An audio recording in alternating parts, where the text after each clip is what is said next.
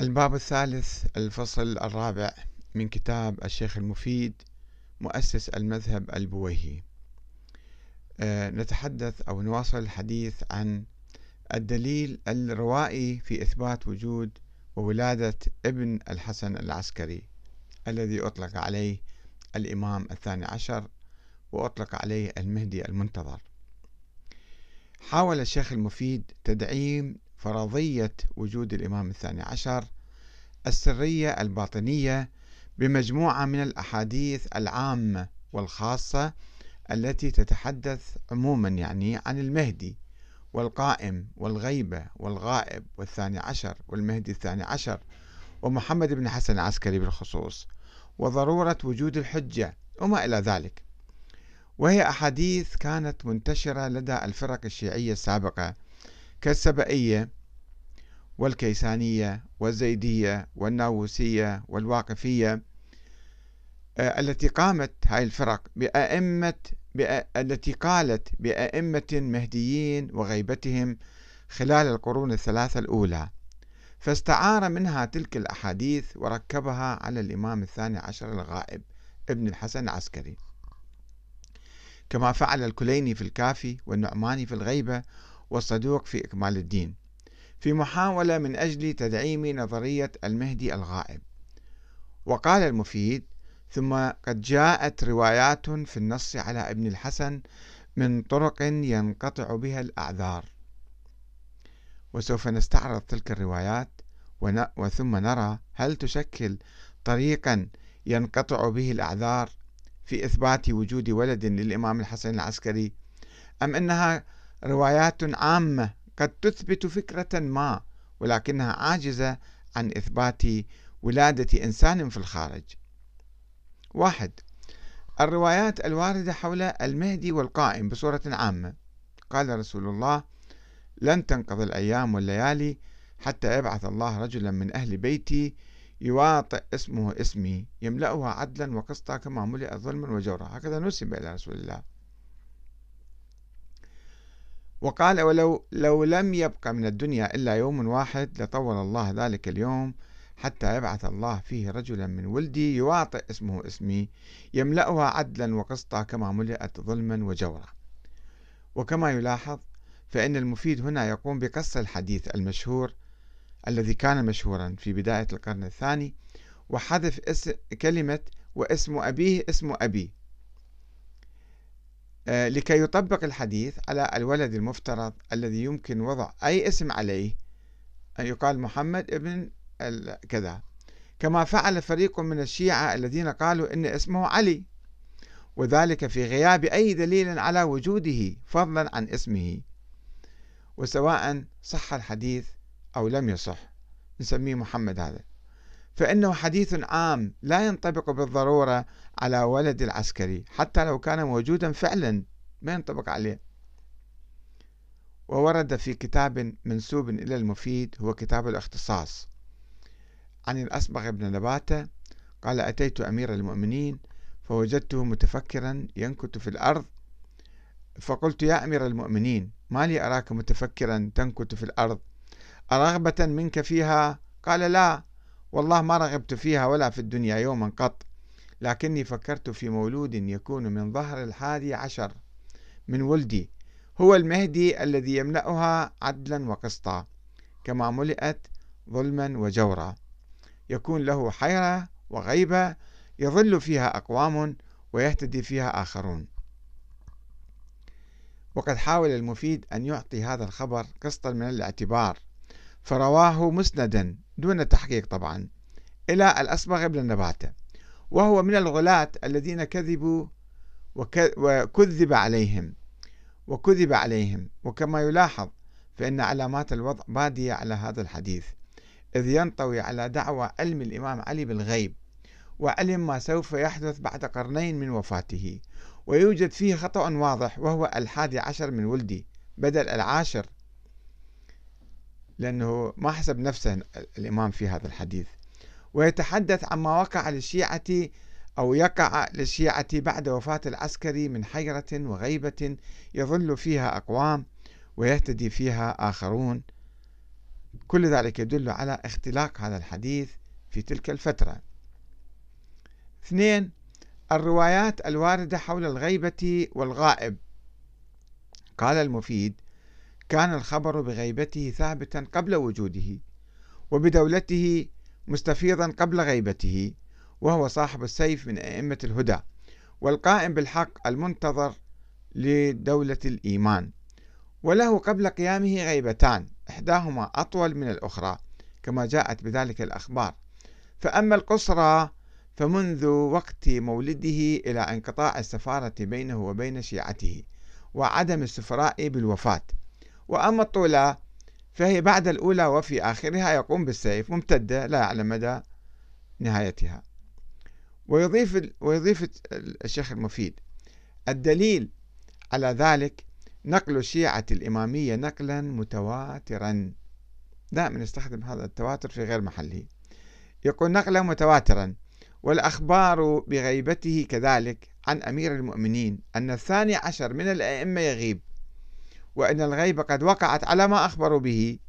وقد وجدنا الشيعة الإمامية قد طبقت الأرض شرقا وغربا مختلفي الآراء والهمم متباعدي الديار لا يتعارفون وكلهم متدينون بتحريم الكذب وقول الزور وعالمون بقبحه. ومثل هؤلاء يستحيل عليهم الاجتماع على الكذب في هذه الأخبار. إذ لو جاز عليهم ذلك واحتمل فيهم لجاز على سائر الأمم والفرق حتى لا يصح خبر في الدنيا وذلك إبطال للشرائع كلها وهو أمر واضح الفساد والبطلان. ولا أريد أن أتهم المفيد بالكذب الصريح إلا أن قوله هذا يتضمن تدليسا فاحشا وسذاجة مفتعلة وادعاء فارغا فهو يتحدث عن صفات رجل لم تثبت ولادته بعد. واحتار الشيعة في أمره وبحثوا وحققوا وفتشوا ولم يجدوا له أثرا وتفرقوا أربع عشرة فرقة ما عدا مجموعة أدعت علمها بولادته سرا ومنعت الناس من السؤال عنه ثم ادعت ادعت النيابة الخاصة عنه ثم ألفت ما تشاء من الأحاديث حوله وقد استوردت بعض الأخبار التي كانت الفرقة الواقفية قد ألفتها حول مهدوية وغيبة الإمام موسى الكاظم واعتبرت أن سجنه غيبة صغرى وهروبه من السجن غيبة كبرى. ثم جاء المفيد بعد مئة عام من الغيبة ليعتبر بكل جرأة تلك الأحاديث متواترة ويطبقها على رجل موهوم ويتشبث ببعض الأخبار الكاذبة عن أمير المؤمنين ليكرس أسطورة الإمام الغائب.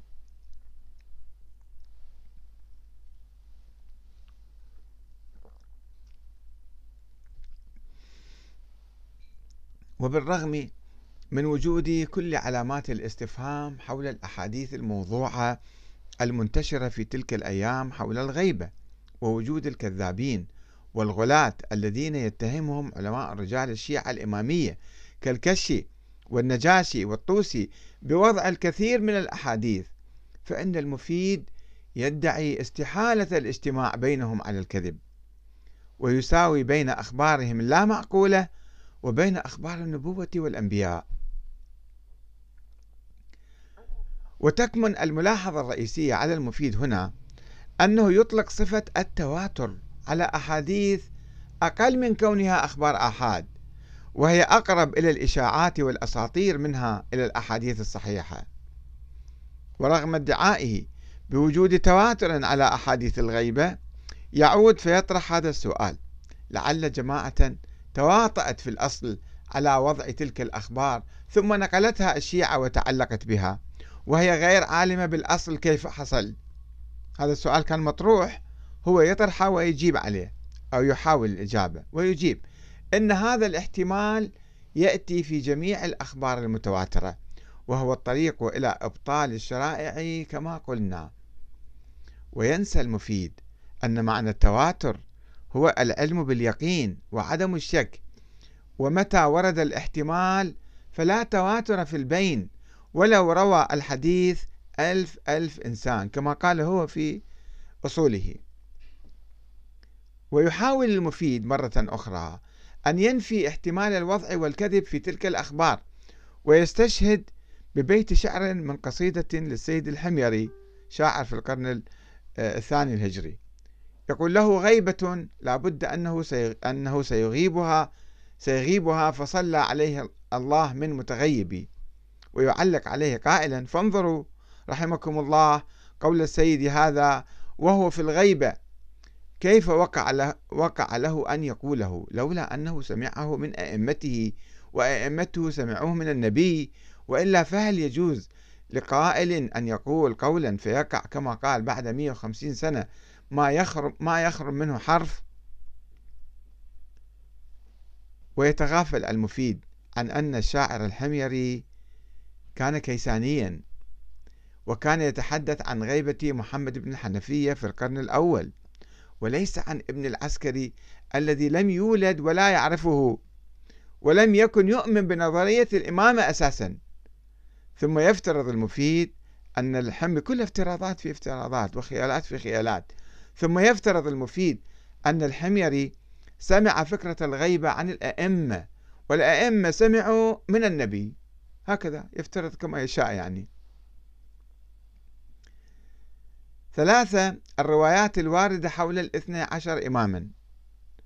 ويمضي المفيد في محاولته إثبات وجود الإمام الثاني عشر بالأحاديث والروايات فيذكر حديث اللوح الذي استعرضناه في الفصل السابق. والذي كان أقطاب الاثنى عشرية قد اختلقوه في وقت متأخر ونسبوه إلى جابر بن عبد الله الأنصاري.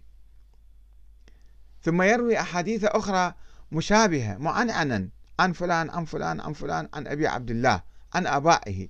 قال قال رسول الله صلى الله عليه وآله اثنى عشر من أهل بيتي من أعطاهم الله فهمي وعلمي وخلقوا من طينتي فويل للمنكرين حقهم بعدي القاطعين فيهم صلتي لا أنالهم الله شفاعتي. حديث مختلق طبعا. وعن عبد الله وعن عبد العزيز القراطيسي. قال قال أبو عبد الله الأئمة بعد نبينا اثنا عشر نجباء مفهمون. من نقص واحدا أو زاد فيهم واحدا خرج من دين الله ولم يكن من ولايتنا على شيء.